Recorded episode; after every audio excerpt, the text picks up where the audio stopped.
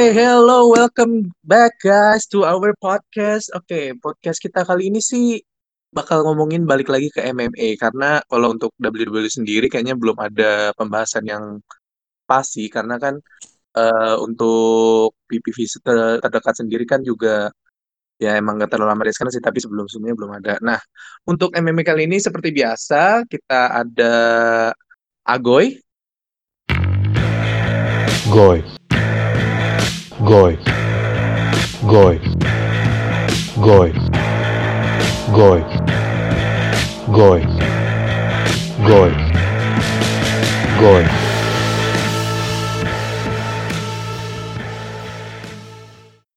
Let's go. Nah, terus as usual kita ada Oka atau Baroka.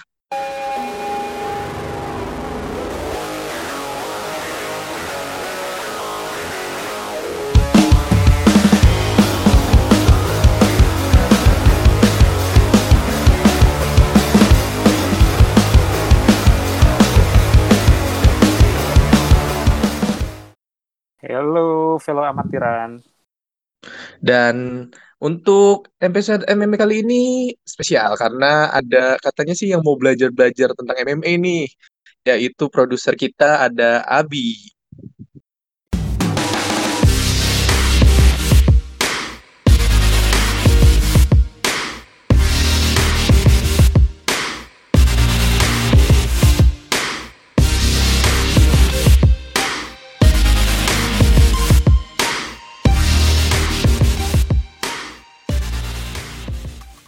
Yuk, satu dua satu dua. One check, one check. Let's go. Nah, untuk episode kali ini akan diambil alih oleh Abi. Silakan Bi, langsung dimulai aja. Yoi. Nah, gua langsung lempar aja nih kepada lu berdua nih, Goy, Kak. Yuk. Gua tuh, nah, kita tuh selalu ngebah kalau di UFC itu kan kita selalu ngebahas eh, sesuatu yang pertarungan yang seenggaknya tuh bakal memunculkan rivalitas, eh, musuhan beneran. We know eh, salah satu contohnya tuh Khabib Nurmagomedov dengan Conor McGregor. Itu sampai keluar Iya. ring sampai tipu-tipukan di bus, betul kan? Wah, itu kacau Betul, sih. seru. Pecah bro, seru itu bro. Iya. Nah, sekarang gue penasaran nih, eh sebenarnya yang lagi hot-hot sekarang ini menurut kalian siapa sih? Ah, definitely Adesanya versus Costa. Ini nge-build Hmm, di banyak setuju, media lagi seru banget nih. Oke, gimana gimana? Gimana Goy? Eh lu bisa ngejelasin mungkin bi- dibantu oleh Barokah juga mungkin ya? Ah, sebenarnya cara ngebangun feed-nya tuh mereka berdua standar lah main ledek-ledekan di media. Biasa kan pakai yang apa sih namanya istilahnya tuh kalau yang split screen di acara-acara ESPN Iya, yang itu kayak kita nonton itu apa sih namanya Kak? Kayak gitu-gitu tuh ya. Pokoknya gituan Iya. lah ya. yang acara kayak acaranya Helwani sama ini ya, DC gitu ya, yang Iya. split screen. Split screen kayak zaman dulu John John sama Oh, Sama ya John John sama Cormier Cormier. kata-kataannya gitu kan. Nah, Iya, di situ iya. kan kalau gue bilang mungkin karena faktor kali ya, faktor dari negara asal dan bahasa Costa kurang jago bahasa Inggrisnya nih. Ngomongnya Oh, iya. kurang jelas sama Ya gimana ya? kurang pedes gitu lah kalau ngatainnya banter-banter cuma ngatain Tapi, lo kurus, lo iya. kurus terus buka baju.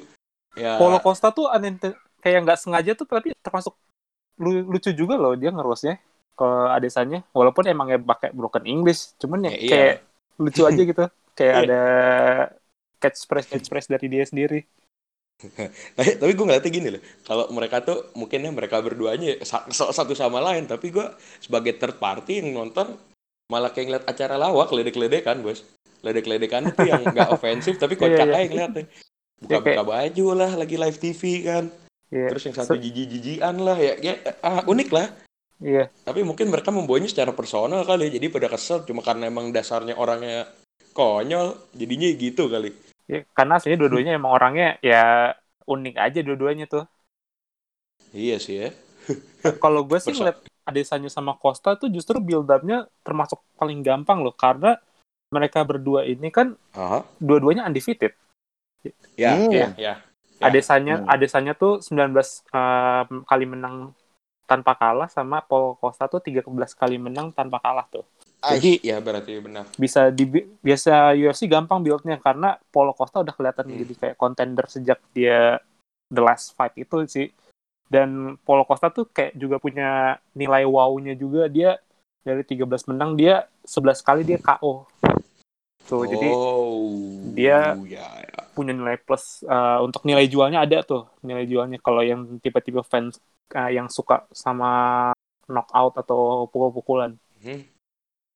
Dan ditambah lagi dia bukan tipikal yang diem tawa-tawa Hmm. I respect yang gue bilang I respect you respect me fight fight fight jedar jedar nggak ya dia Iya. punya personalitinya tuh unik juga gitu loh itu jadi yang bikin dia tambah ngejual lu, Ditambah eh lu, lu kan inget gak sih gitu gue loh. yang ini yang adesannya terakhir kali Yang mana? fight yang lawan Romero terus ko Hmm? Paulo Costa terus Paulo Costa dikatain sebagai Ricky Martin Ricky Martin oh iya tahu tahu tahu tahu iya iya iya Iya. iya. Gimana gimana? Wah, itu, gimana? itu kan itu Gimana? lucu juga sih Gimana? Bi, itu. Iya lucu juga. Jadi kayak waktu Adesanya menang terakhir kali, terus habis itu mau ditanya siapa melawan siapa lagi nih. Terus habis itu dia nunjuk Paulo Costa, terus dia ngatain itu dia adalah bootleg dari Paulo Costa, bootleg dari Ricky Martin.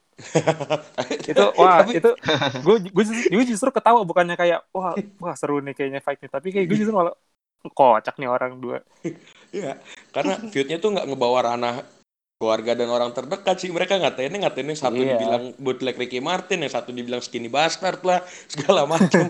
Jadi konyol sih? Gue bilang? Bisa bisa ketemu gitu ya ininya? Topik uh, atau apa cara ngatainnya? Hmm, Oke. kalau di tongkrongan nih modelnya kelar berantem jadi temen yang kayak gini deh. Iya. lucu Jadi kayak ah, jadi ceng-cengannya tuh nggak personal insult ya. Eh, beda berarti sama beda kayak lu nggak kayak lu ngatain saya lo gitu iya kayak gue ngatain Oka sehari-hari udah bercandaan temen udah kayak gitu lah dan bentuknya temen Heeh. Oke oke. Nah, em, tadi kan sempat disinggung kalau dua-duanya ini undefeated, benar kan ya? iya Ya. betul Oke, eh gue ngelihat rekornya si Paulo Costa, eh, lebih banyak TKO nggak sih? Iya kan? Tadi kan sempat Iya. diomongin juga kan? ya Nah. betul. Apakah ini suatu, menurut gue sesuatu yang em, istilahnya itu merugikan di, bu- bagi Paulo Costa sendiri karena nggak bisa membawa eh, fight tersebut hingga lima ronde. Karena apa, otomatis kan perlu eh, durability yang tinggi untuk membawa fight tersebut sampai lima ronde. ya Gimana gimana? Eh, siapa dulu nih agak deh agak dulu Oke, kalau gini ya, gue sih kalau jujur Paulo Costa tuh nggak terlalu merhatiin karena in contention gue tuh lagi bukan di middleweight. Tapi kalau dilihat Hmm. dari bentukan orangnya sendiri, dari cara fightnya agak sulit sih memang ya buat dia ngehajar sampai di atas tiga ronde. Sementara Adesanya tuh stamina kan nggak habis-habis, mau lari sampai lima ronde juga dia kuat. Itu sih yang jadi masalah nanti. Ketika Adesanya memutuskan untuk main aman, main jarak, terus bisa nge-neutralize striking-strikingnya Costa, wah bakal berat bos.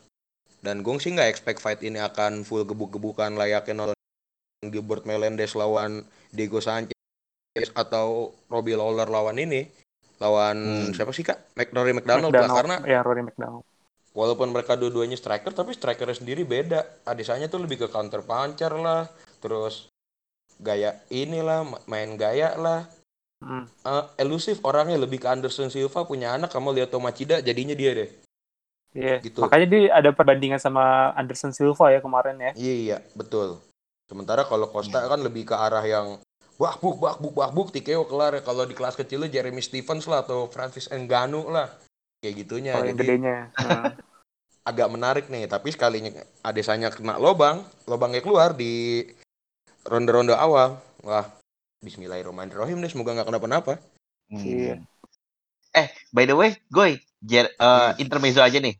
Jeremy Stephens itu yang who the fuck is that guy? Iya gak sih? iya betul iya iya iya betul betul, betul. betul betul tapi jangan salah loh kan Conor McGregor bilang who the fuck is that guy gitu kan yang ngeledek-ngeledekin iya tapi ketika fightnya Conor McGregor sama di build upnya fightnya Conor McGregor lawan Donald Cerrone jadi kan dia membahas tentang apa yang udah dilakukan dulu nih kayak Conor McGregor dengan personality yang baru nih jadi orang baik gitu dia pun sendiri mengakui Jeremy Stevens itu emang the hardest hitter di featherweight Hmm. gitu jadi ya yang dibilang sama Jeremy Stevens juga sebenarnya nggak salah cuma McGregor emang anjing orangnya komedi juga ya jadinya lucu lah kenanya jadinya emang posisi kedua Wah. fighter aja sih waktu di conference Iya. waktu itu jadi Iya. kayak Jeremy Stevens kan cuma di undercard doang sedangkan Conor Mm-mm. ya main eventnya terus habis itu kayak Iya. ngatain lu siapa sih lu bukan Iya. main event gue yang main eventnya Iya, dan dia coba mencoba steal the spotlight gitu, tapi ya gagal lah. Iya Kurang Oke, asik ya. orangnya, kurang asik. Yoi. Kurang asik. Oke, gue balikin lagi ya ke Adesanya sama Costa. Kira-kira eh, mereka ini dianggap uh, bukan sebagai referee ya, tapi bakal Hmm. menjadi referee nggak sih kalau menurut kalian? Bisa. Buat Hmm. gue bisa.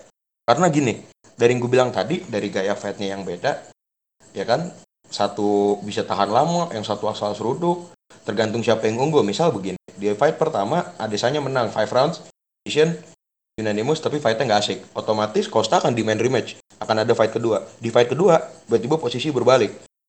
Costa yang menang, jedar, jadilah trilogi lagi. Nah, di situ baru titik. Jadi ini UFC ini sengaja gitu lah ngebangun. Gue punya dua karakter, dari karakter fightnya beda, dua-duanya punya personality yang unik. Ini gue bisa jadiin duit buat di middleweight. Karena kan tahu sendiri lah, middleweight semenjak rajanya tumbang, bertubangan semua ya. turnovernya rada ini kan, ganti-ganti sampai sekarang kan pernah gue bahas sama Oka, Lionel Chamberlain nggak punya gara-gara itu. Lord Ganti-ganti. GSP nggak balik-balik. GSP GSP Jadi gitu, juaranya tuh terlalu banyak gitu loh gantinya. Nggak ada yang Hmm. benar-benar ini. Dan sama itu lagi, Whiteman kan apa Silva kalah sama Whiteman. Whiteman menang Nah. lagi lawan Silva. Silva menang lawan Machida, habis lawan Machida diperkosa sama Rockhold.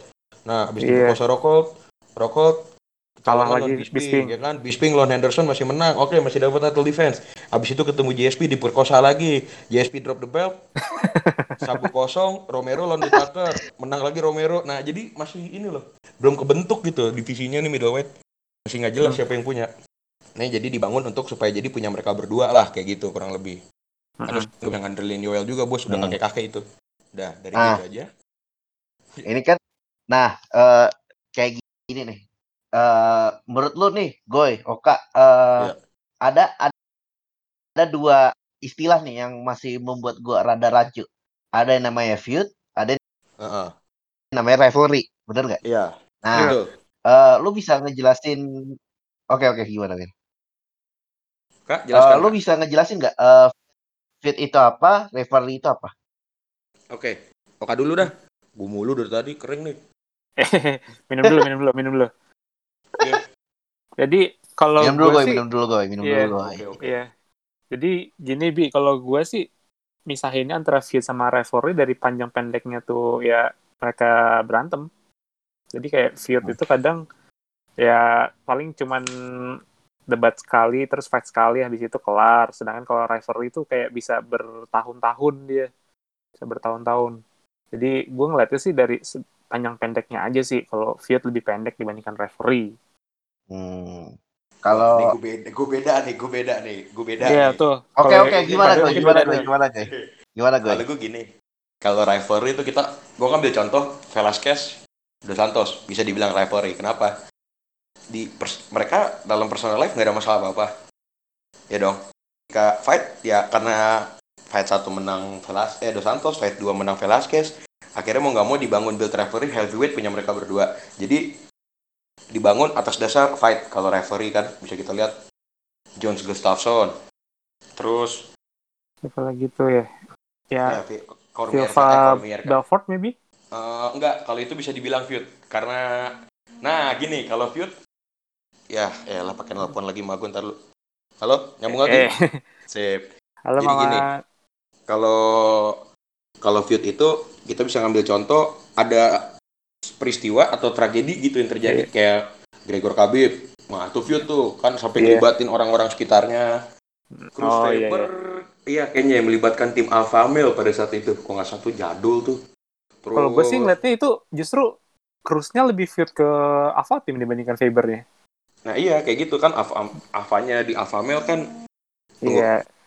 Ya itu emang leader-leadernya dari Heeh. Alpha Male kan Faber. Jadi Cruz kalau- Cruz juga lawannya kan Iya. di da- dari WEC kan ada Faber. ya yang kayak gitu gitulah kurang lebih kan jadi feud terus Brock Lesnar Frank Mir nah itu feud tuh kan karena sama Brock Lesnar itu dianggap itu sesuatu personal gitu Sama satu Nah. lagi gue yang like heavyweight. Oh iya, Sama siapa? John Jones, Daniel Cormier itu feud. Nah. Tapi kalau Jones, Gustafsson itu referee. Kayak gitu kalau gue bedainnya. Referee itu cuma sebatas fight aja karena mereka bisa ngejual fight yang seru. Akhirnya dibentuk. Bisa jadi trilogy lah, second fight lah. Nah, sementara kalau feud bisa jadi kayak ini, Brian Ortega sama Chan Sung Sung. Belum pernah berantem udah feud. Iya. Ya kan? Terus sama ini lagi. Dulu Banyak Aldo tuh. sama Connor juga termasuk feud tuh. Nah, itu feud. Aldo sama Conor pernah jadi feud. Aldo Connor Kalau misalkan yang paling aneh kalau menurut gua Chelsonen sama Vanderlei Silva berantem aja udah di off screen apa ya off screen mereka berantem Iya. begitu fight asli nggak Nah. pernah kejadian dua-duanya malah kasus nah itu Mungkin kalau ya para pendengar kalau misalkan uh, mau tahu kenapa Chelsonen sama Wanderlei Silva tuh seru feudnya itu coba cari Chelsonen Wander- Wanderlei Silva Ultimate Fighter. Coba ke- kalau Ah. pas ngeliat mereka berantem lu coba cek di YouTube. Wah, itu itu itu bener-bener salah satu momen Ultimate Fighter terbaik deh kalau menurut gue. Hmm. Tapi eh oka oka. Ya ya ya. Nah, em, gua tuh pernah nonton salah satu YouTube di video YouTube Secret Base. Kan itu sempat ngebahas re- Ah, iya. eh, rivalry antara eh Yuri Faber sama Dominic Iya. Cruz. Nah, itu Mm-mm. tuh ternyata eh sampai ujungnya di Ultimate Factor. Nah, itu tuh dari timnya kalau nggak salah timnya Yuri Faber itu Yep. tuh ada muncul lagi namanya si Cody Garbrandt. Cody Garbrandt ini ngalahin Dominic iya. Cruz. Nah, eh, lu, Iya. lu bisa ngejelasin nggak kira-kira eh kok bisa ya rivalry itu bisa menyambung gitu loh? Atau mungkin ada Oh. salah satunya ah. bisa diisi bisa eh, salah satunya bisa berujung dengan feud gitu. Oke, jadi uh, gini, uh, singkatnya dari WEC itu kan uh, Uriah Faber itu adalah uh, juara dunia kan, dia juara dunia dan salah satu challenger yang dia kalahin sama Faber itu adalah Dominic Cruz. Dan Dominic Cruz itu waktu sebelum dia kalah sama Garbrandt cuma satu kali kalah. Dia kalah sama Faber. Habis itu uh, pas Faber dia kalau nggak salah kalah lagi kalah sama siapa gitu gue rada lupa. Yang ngalahin dan menang uh, championshipnya itu Dominic Cruz. Dan Dominic Cruz menang terus terus sampai ke UFC beli WEC Dominic Cruz jadi bantamweight champion habis itu rematch lawan Faber kalah. Terus habis itu Faber kayak menang kalah menang kalah menang kalah sedangkan uh, Cruz tetap jadi juara sampai dia cedera. Setelah dia cedera dia uh, balik lagi nge-reclaim uh, title bantamweight dari sama juga nih satu tim juga sama Faber sama Garbrandt. Namanya TJ Dillashaw dia di Alpha Male juga. Jadi feudnya tuh bukan cuma udah di Faber doang tapi sampai ke Alpha Male semuanya itu dia mereka musuhan semua sama Dominic Cruz. Nah setelah uh, menang dari Dillashaw itu uh, Cruz menang lagi lawan Faber pertandingan ketiga.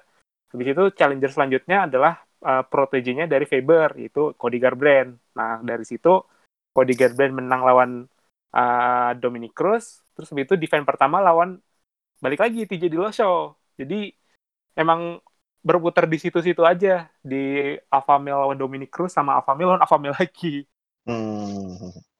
Gimana gue? Gimana gue? tadi lu nanyanya apa gue bisa nyari ponstan tuh disuruh bapak gue Jadi tuh eh, eh, apa dari Ultimate Fighter tuh gue sempat nonton eh, YouTube-nya Secret Base. Rivalry antara Yuri Faber sama Dominic Cruz. Terus ny- nyambung ke Ultimate Fighter. Nah, dari eh, dari tim Alpha Male ya.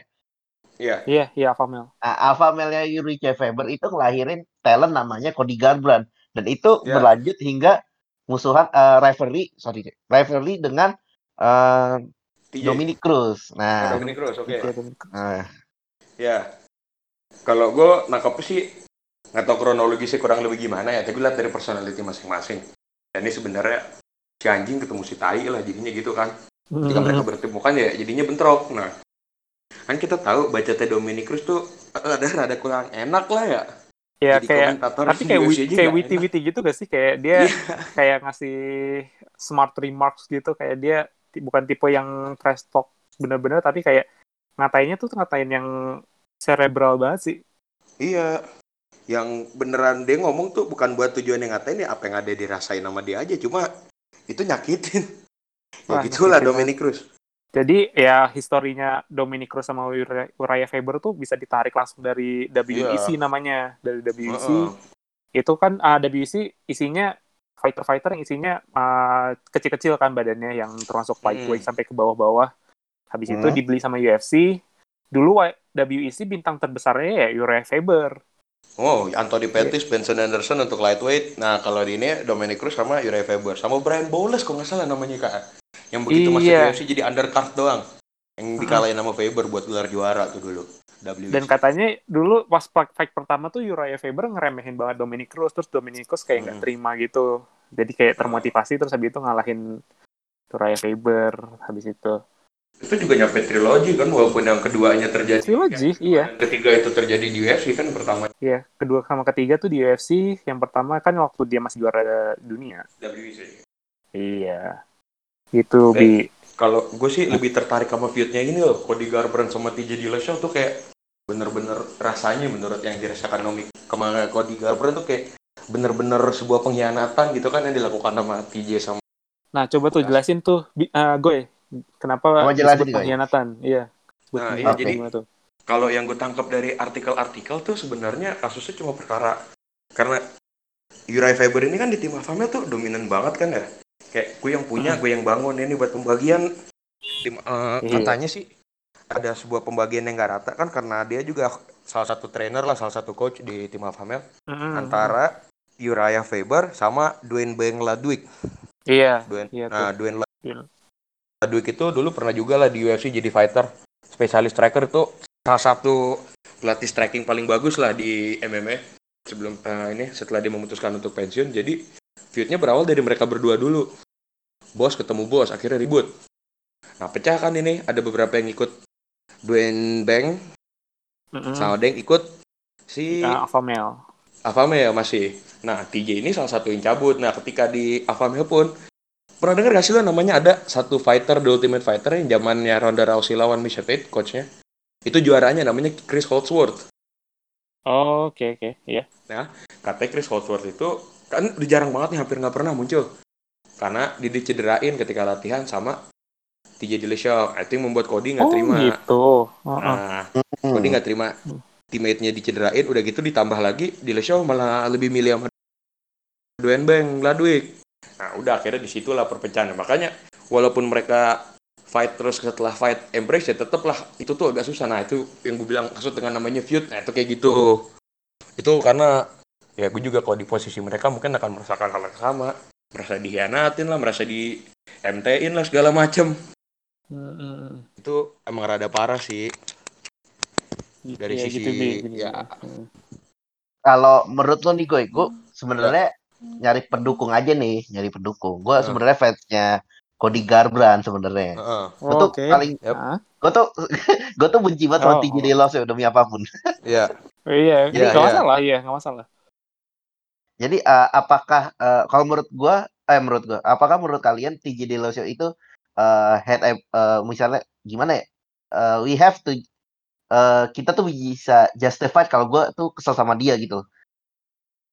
Eh, bisa bisa bisa enggak tapi tergantung dari sisi mana kalau lo orang yang pro sama tim Alpha dan lo fans Cody Garbrandt nggak masalah sama sekali lo bisa melihat kalau anjing TJ udah di latihan kurang ajar serius pas sparring sama temen malah udah perpecahan coach malah milihnya untuk kabur bukan malah ninggalin teman-teman yang di sini nah kayak gitu dan TJ Dillashaw tuh setahu gue waktu di The Ultimate Fighter aja terkena rese loh sama teman-temannya iya. kan waktu itu dia kalau nggak salah Dikatain corner Bener kan? lawan John Dodson ya kak ya?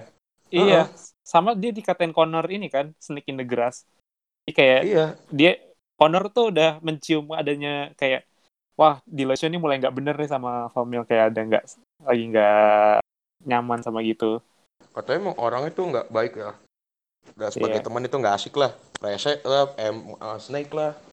Justify-nya gitu aja bi. Jadi Mm-mm. kayak ya lo Lebih mau pilih personal sih. ya lo pilih ke Mm. tim Alpha Male atau timnya uh, Dwayne Ludwig itu ya Ya. depends on you aja. Iya, tapi kalau ngejustify-nya karena murni alasan cara fight-nya di show nggak asik untuk ditonton ya gue nggak setuju. Sorry. Iya. Hmm. Gue juga enggak. Gue juga enggak. That boy can fight bro. Keren malah, gue akuin keren. Cara fight-nya keren. Cuma ya gitulah personality-nya mungkin kurang baik. Iya. untuk seorang fighter. Kurang so- orang warrior kurang lah. Oke, eh, oke, kita ngebahas mulai ke ngebahas ke personality nih ya. Kalau personality seorang fighter itu dari rivalitas itu bakal berujung jadi feud, bener gak? Iya, Hmm, Nah, let's say, and, let, and let's vice say, versa ya. Iya. ya oke. Let, let's say gua, eh, gua ini eh, seorang fighter, eh, Heeh. ya personality gua ya you know lah ya. Gua Heeh. eh, feud sama lu, goy. Eh, Iya. lu gue referee sama lu, tapi ujung-ujungnya Mm-mm. gue personal insert ke lu jadi feud.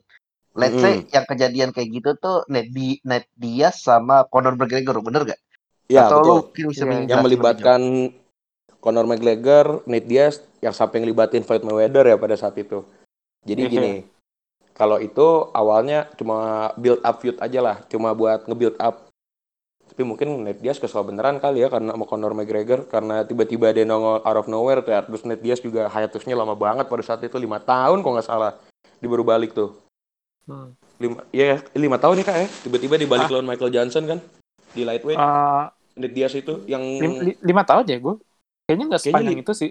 Iya dari itu, 2013 dua, tiga ke tahun. 2018 bener kah lima tahun 2018 kan itu Iya. kejadiannya Diaz Gregor Iya, eh kira-kira Diaz Gregor. segitulah ya.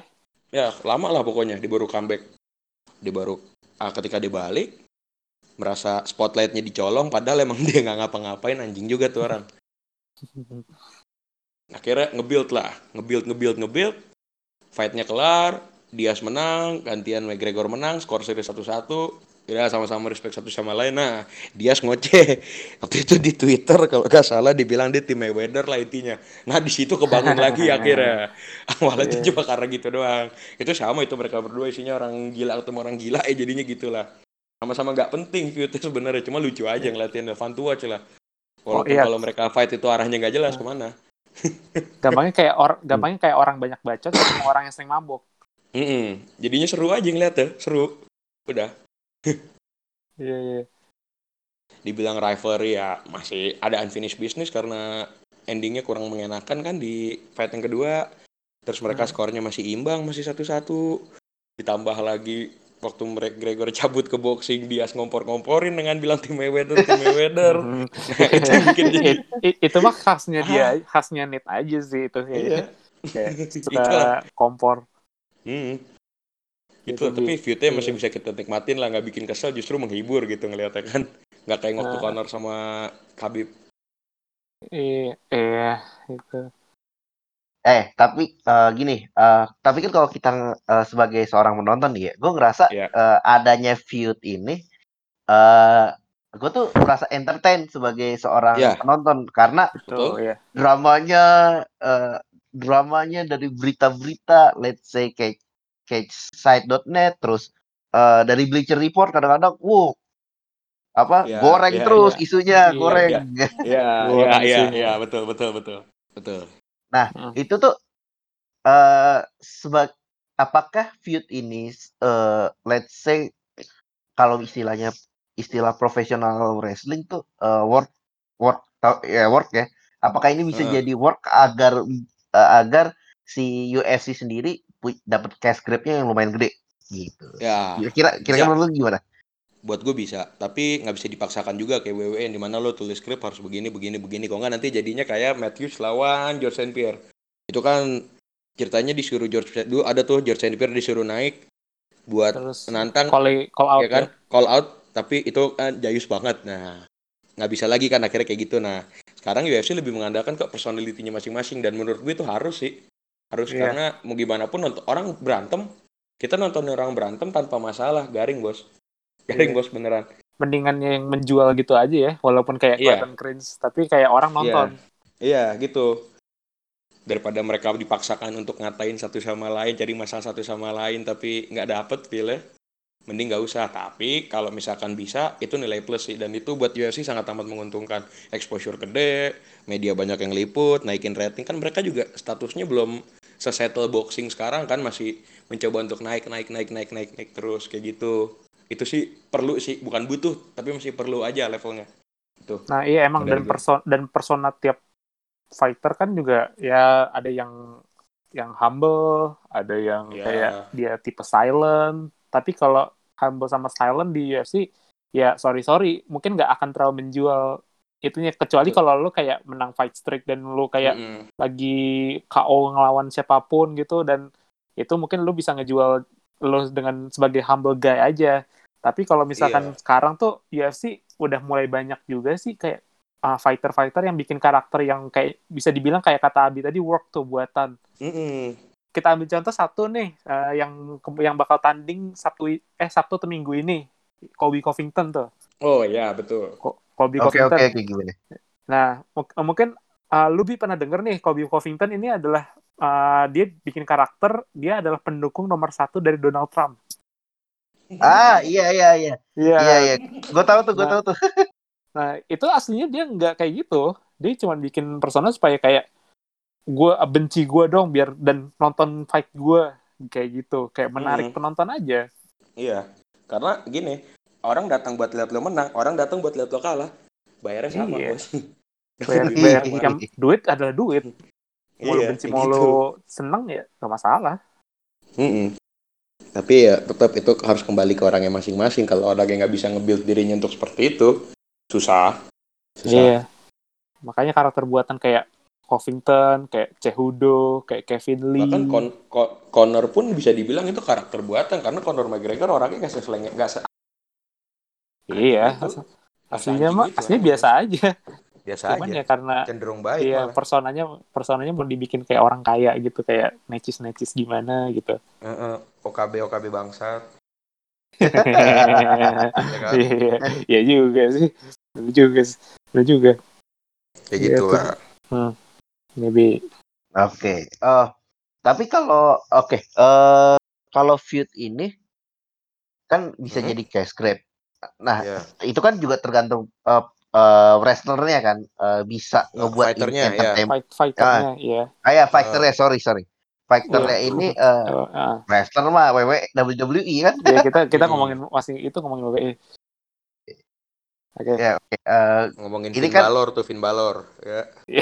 eh, Finn Balor. Iya. Hebat. Oke. Ya. Hebat. Ba- Sangat bagus. Iya. Karena dia hebat. Kayak, Ya. Siap. bisa bisa banget tag-nya. Iya, lanjut lanjut. Oke, oke, oke, oke. Oke ini eh, fighter-fighter kan eh, tergantung fighternya ini bisa ngebuat ini lebih entertaining atau enggak. Iya. Gue penasaran gue, nasib nasib fighter yang sebetulnya in, in ring tuh bagus, eh, rekornya Iya. oke, cuma nggak Heeh. bisa ngebawa feud ini entertaining. Biasanya nasibnya mereka di, let's say di promoter gede kayak UFC itu tuh bakal pendek gak sih karirnya? Ah, gini, ini menarik nih. Ini gue pernah ngobrol sama pelatih gue. Jadi dulu zaman gue masih jadi atlet ya. Dulu, dulu, dulu, buat. Nah, Dia pernah bilang. ini ya untuk se- sekedar, sekedar uh, flashback Heeh. Mantan atlet kickboxing ya, Iya, kickboxing. dulu, dulu. Jadi, Eh, kurang ya lebih mungkin dia sedikit lebih 5-6 tahun terpaham lalu lah. Iya, kickboxing. 5-6 tahun lalu lah. Iya, Jadi gini, ini gue balik ya. oke. Jadi kok kata pelatih gue ya, dibilang UFC ini cenderung baik, nggak kayak boxing. Kalau boxing, let's say, lo jago, cara main lo keren, tapi lo nggak punya sesuatu yang bisa dijual. Let's say power lo biasa aja, personality lo biasa aja, cuma rekor doang yang lo punya. Ya lo kan susah naik. Nah, lain dengan di UFC. Di UFC, orang yang nggak punya ah nggak punya personality biasa tapi rekornya bagus dia karirnya mungkin akan tetap naik gelar akan dapat contoh kayak Jack Shield title shot dapat tapi kalau masalah uang jangan berharap bos Kamaru Usman kemarin dapat nggak gede lawan Iya. Jorge Masvidal Kalah Usman sama bukan- Mas Vidal dia. iya dan Usman bukan tipikal fighter yang asik kan sebenarnya gaya fightnya itu Iya. kemarin dia kebantu sama Covington waktu lawan Kobe Covington karena healnya dapat banget nih si Covington sehingga menjadikan Iya. Usman seorang face yang pas lah gitu nah sementara Mas Vidal biasa jadi face face yang tengil gitu kan gaya-gayanya diadu sama Ya boring Si champion. ya si kertas kosong ini jadinya gitu si kertas kosong ini mungkin dapat gelar karirnya Hmm. sebagai fighter oke. Tapi secara finance ah nggak dapet bos. Nggak dapet. Sorry. Nggak dapet. Lo mau ngejual apa? Lo nggak bisa ngasilin apa apa lo nggak akan dapat duit banyak. Kayak gitu. Untungnya masih baik kalau di MMA kayak gitu. Masih baik lah. Prestasi masih lebih dilihat. Rekor boxing bisa ya. dapat ya bisa dapat gelar. Tapi gelar doang. Duit Iya. kagak. Gitu loh. Ya, kar- karena di boxing kan ada asosiasi banyak. Mereka pengennya Asosiasi ya banyak. Terus bingung ininya siapa Heeh. yang yang juara undisputednya. Iya satu satu fight bisa dua dua sampai tiga promotor yang terlibat. Nah, kayak Jadi gitu mungkin loh. ya mungkin yang belum tahu nih kayak uh, kalau misalkan di salah satu asosiasi misalkan ambil contoh di WBC satu fight Iya. satu boxer dia rankingnya ranking 2 sedangkan mungkin di WBA dia mungkin ranking 5 tergantung dari penilaiannya. Nah, Nah, itu nah, kayak gitu. makanya itu lebih bingung di boxing dibandingkan di MMA. heeh. Makanya kebanyakan boxer juga sekarang lebih nyari selain title fight kan cuma sekedar title fight, title fight bisa ngejual nggak, title fightnya ngasilin duit nggak, dan si juara ini bisa dijual sebagai juara yang jadiin duit nggak, nah kayak gitu. Tapi kalau di MMA belum. Iya, Kalau dan juara juara aja, hmm, tapi lo nggak dapet dan duit. iya dan itu bi jadi uh, fighter kalau misalkan ditanya mau title fight atau money fight kebanyakan Iya. mungkin bakal lebih pilih money fight karena Iya, ya Hmm. gimana ya mending mending gue cari duit dan dapat banyak duit terus gue pensiun Betul. dengan tenang dibandingkan gue menang title nggak dapat duit banyak banyak iya. Itulah yang terjadi. iya Karena itulah contohnya kan yang dilakukan oleh Nate Diaz, Conor McGregor, Jorge Masvidal. Gue belum dicari duit, gue bikin sensasi, tapi gue punya aksi, duit datang. Karena Iya. bisa ya, terus loh, fightnya Nate Diaz lawan Jorge Masvidal tuh nggak ada arahnya. McGregor lawan Nate Diaz tuh nggak ada arahnya, itu cuma money fight. Iya nggak ada Kayak gitu. stake nggak ada stake apa apa Mm-mm, nggak ada stake apa-apa. Cuma Iya. rasa bangga dari diri masing-masing aja udah dibawa. Kayak gitu. gitu. Karir tuh ada dua macam, lalu mau nyari duit atau nyari gelar kalau di MMA. Masih bisa seperti itu untungnya. iya iya masuk akal Yoi. Heeh. Heavy. Oke, em, kalau ini nih, gue penasaran. Kalau kit, eh, feud yang let's say under the radar, menurut kalian siapa? Sekarang kalau bagi gue satu under the radar lagi naik. Eh dua, dua. Tapi baru mulai diliput nih. If Edward, kok nggak salah. Eh Leon Edward, sorry. If Edward mah zaman Leon dulu banget. Leon Edward, Jorge Masvidal lagi berantem mulu di Twitter nih main kata-kataan karena Edward minta banget fightnya lah. Sama satu lagi, ini akhirnya kejadian. Brian Ortega lawan Chan Sang Jong. Ya karena mereka Hmm. bukan title contender dan sebenarnya nggak terlalu sih. Apalagi Ortega sama Chan Sang Jong kan dua-duanya orangnya bahaya lah kita tahu tiba-tiba ada feud yang melibatkan artis ditampol kan. Jadinya, weh gitu loh. Under the radar, under the radar meledak tiba-tiba jeda sama sama Leon Edwards lah. Kalau gue itu aja dua. Lo siapa kak? Kalau gue sih Oke. lebih ke ini sih yang rada rada dulu sih yang bukan yang sekarang. Kalau sekarang gue mungkin ngeliatnya nggak nggak terlalu banyak feud yang benar-benar Hmm.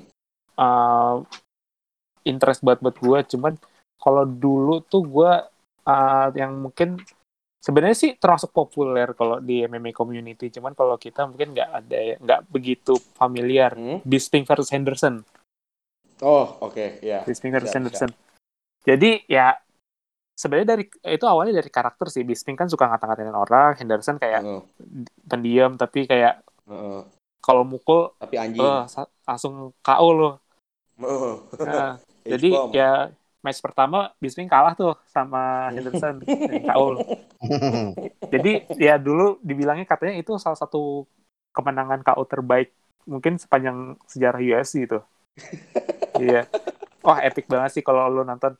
yang yang fatality ya. Iya, itu fatality banget. Terus habis itu kayak Bisping nyari kesem pengen nyari kesempatan buat apa namanya buat balikin lagi skornya jadi satu-satu. Ya akhirnya kesampaian tuh di dua 204 kalau nggak salah di Iya, 2016. Di, dan mainnya di Inggris itu.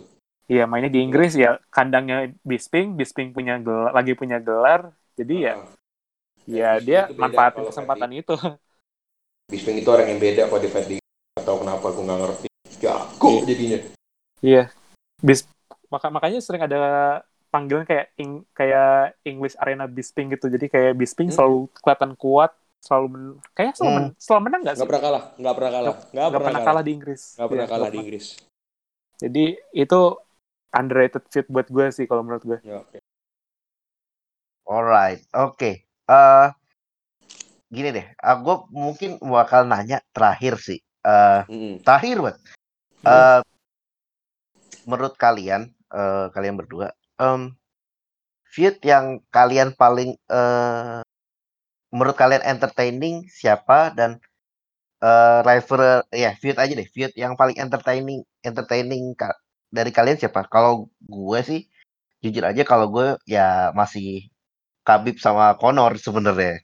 Kalau Oke. kalian siapa? Kalau gue ya, feud yang Eh. entertaining buat dilihat itu, Ses, buat buat gue semuanya seru sih, lucu-lucu aja ngeliatnya. Tapi yang, yang mungkin banyak momen-momen memorable-nya kali mungkin mau disuruh milih, gue suka ngeliat dia sama Gregor, beneran. Gue suka lihat dia sama Gregor. feud. Iya, iya, suka iya. banget gue ngeliatnya. Itu Kayak- asik lah ngeliatnya lah. Net, apa jadi Lempar-lemparan botol ya? chemistry-nya ada ya botol, lempar-lemparan bangku, udah gitu. Conor kan selalu matiin orang di press conference kan, kayak Dedu, Denny Silver lah, segala macam walaupun kadang-kadang orang Iya, iya, iya. Bahkan Khabib Nurmagomedov pun kalah sebenarnya di press con sama Khabib sama Conor udah lah. Udah jelas itu. Adu bacotnya kalah. Walaupun menang di octagon. Nah, yang bisa ngebalikin itu Ned Diaz kok gue buat gue. Iya, Itu cuman dia doang kayaknya ya Aldo nggak bisa terus Aldo nggak, Aldo gagal kepancing terus parah. siap, siapa namanya ke bawah, Chad Mendes nggak bisa Nggak. Ya. Tapi Chad Mendes lebih tepatnya nggak nanggepin sih. iya nggak nggak bisa nanggepin juga dia Nggak bisa nanggepin dan dia ngambil pusing. Bagusnya di situ. Oke, Net Diaz aja lah yang kayak Mm-mm. fitnya Conor yang paling ini. Kalau buat gue ya, asik lah, lucu, lihatnya lucu. Kalau Oke, oke, oke. Gimana, Kak?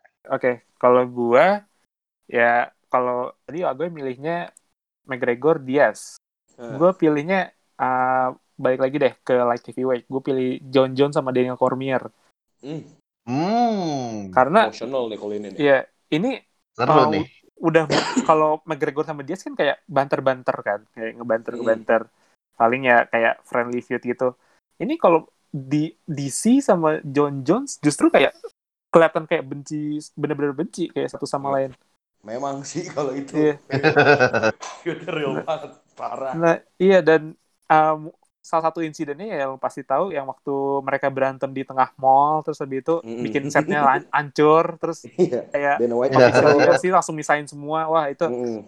itu e- em- emang epic banget sih dan Oh. fight-nya pun juga dua-duanya tuh kayak ada emotional ininya kayak ada bumbu emosinya gitu di Hmm. fight-nya dan yang yang fight keduanya pun juga itu salah satu yang kayak ini beneran fight atau enggak sih kayak waktu mereka mau rematch John Jones kena ini insiden Iya. ya DUI terus habis itu dia di, Iya. kena suspend pas balik, Yang balik lagi satu Anderson Silva step up ya. Iya Buat diperkosa doang sama Daniel Cormier di UFC 200 itu. Oh itu yang enggak itu yang sebelumnya yang John Jones harusnya lawan Rumble. Itu Yang John Jones lawan Rumble dulu. Terus habis itu kan Oh, ke iya. ya Akhirnya DUI, Daniel Cormier naik ketang- lagi. Ya, ya ketangkap polisi, terus habis itu kayak ada Hmm. jalan hukuman, terus habis itu dia 197 waktu UFC oh, 2016 balik lagi harusnya mereka fight 197 Hmm. tapi uh, DC Batal. cedera, DC cedera. Itu, itu DC sebagai juara ya. Iya, DC Udah ya? sebagai juara. Terus uh, John Jones sama DC di- dijadwalin dua UFC 200. Iya. ternyata uh, John Jones tes positif uh, sama doping. Absen lagi satu setengah tahun. Terus Iya. kayak build nih kayak makin lama makin lama akhirnya mereka tanding 2014 John Jones akhirnya menang lagi. Dan KO lagi ya. ya KO lagi. Jar jar jarang banget kayaknya DC DC bahkan cuma kalah berapa kali sih?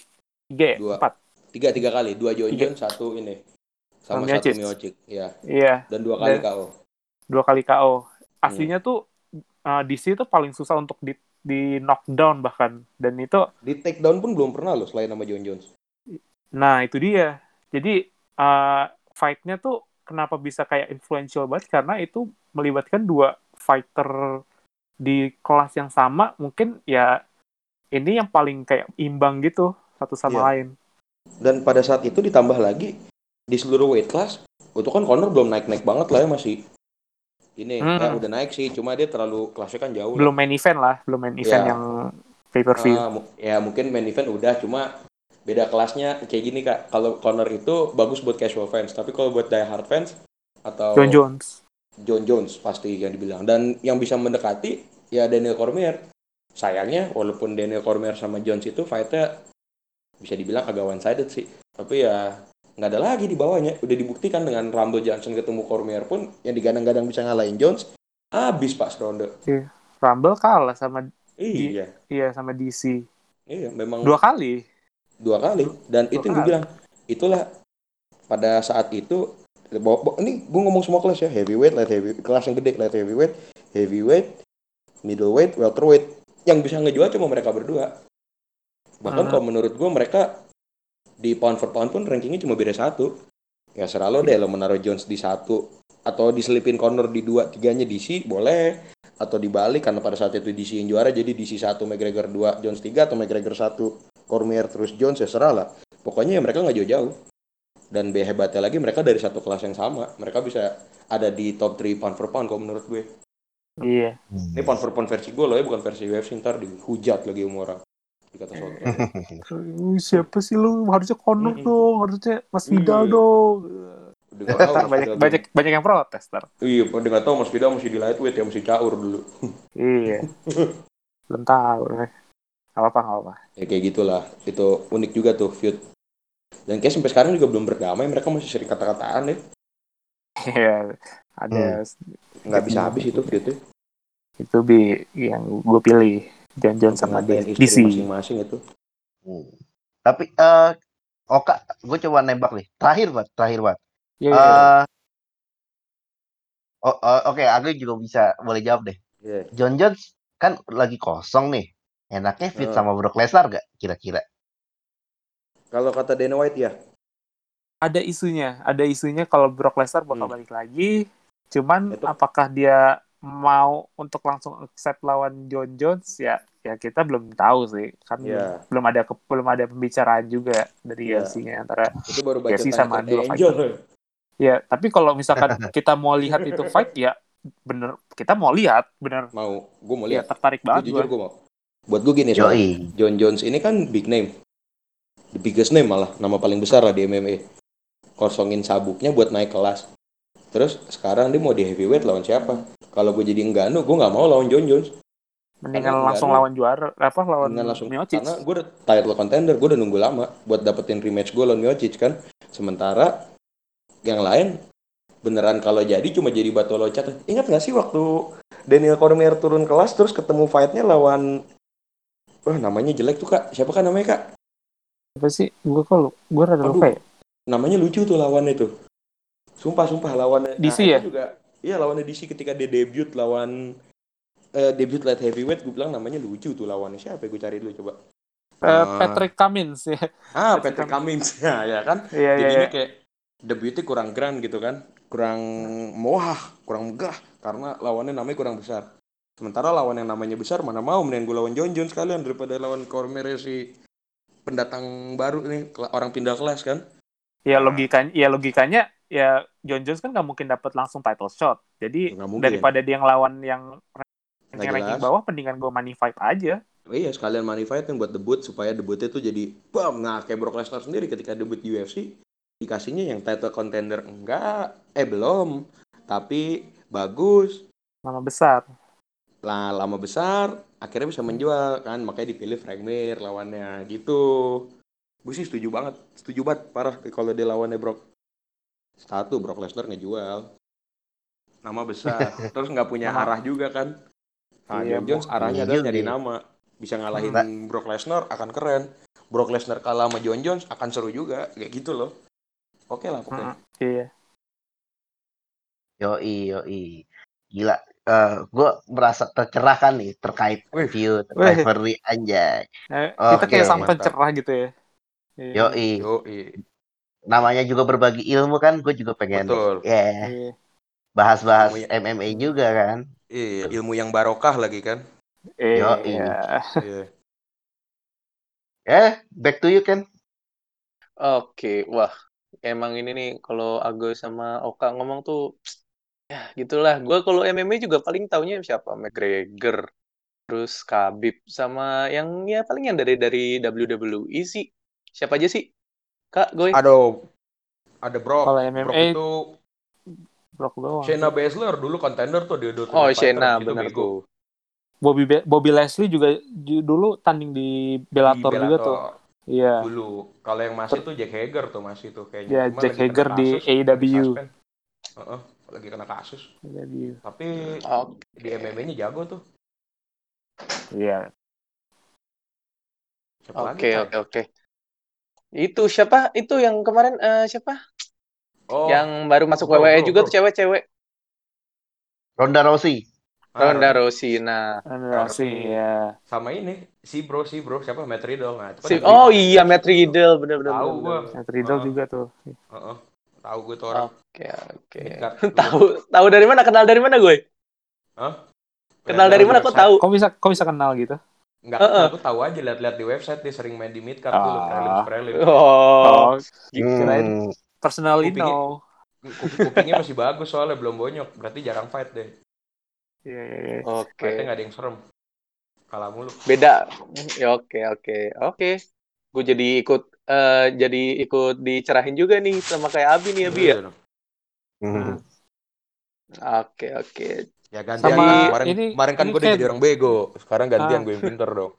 Iya. Apa, Sama ini Kak? kayak Apa, quick, quick update dikit. Jadi eh, selama berapa ya? Jadi berarti dari Sabtu depan sampai ke dua UFC 254 itu 254 itu ada di tanggal 25 Oktober. Jadi dari besok sampai 25 Oktober UFC bakal tanding di balik lagi ke Flash Forum di Abu Dhabi. Iya. Jadi Iya. namanya Oh, kan Dhabi. kemarin UFC Fight Island tuh. Jadi Iya. ada lima event di sana.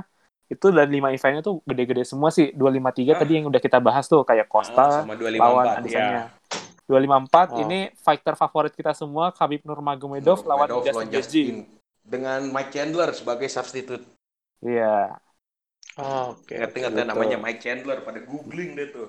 Langsung googling Iya. tuh. Siapa sih Kayak Mike Chandler mainnya gitu. Mirip-mirip sama Tyson Chandler dan Wilson Chandler kalau nggak salah. Eh, bisa jadi. Oke, oke.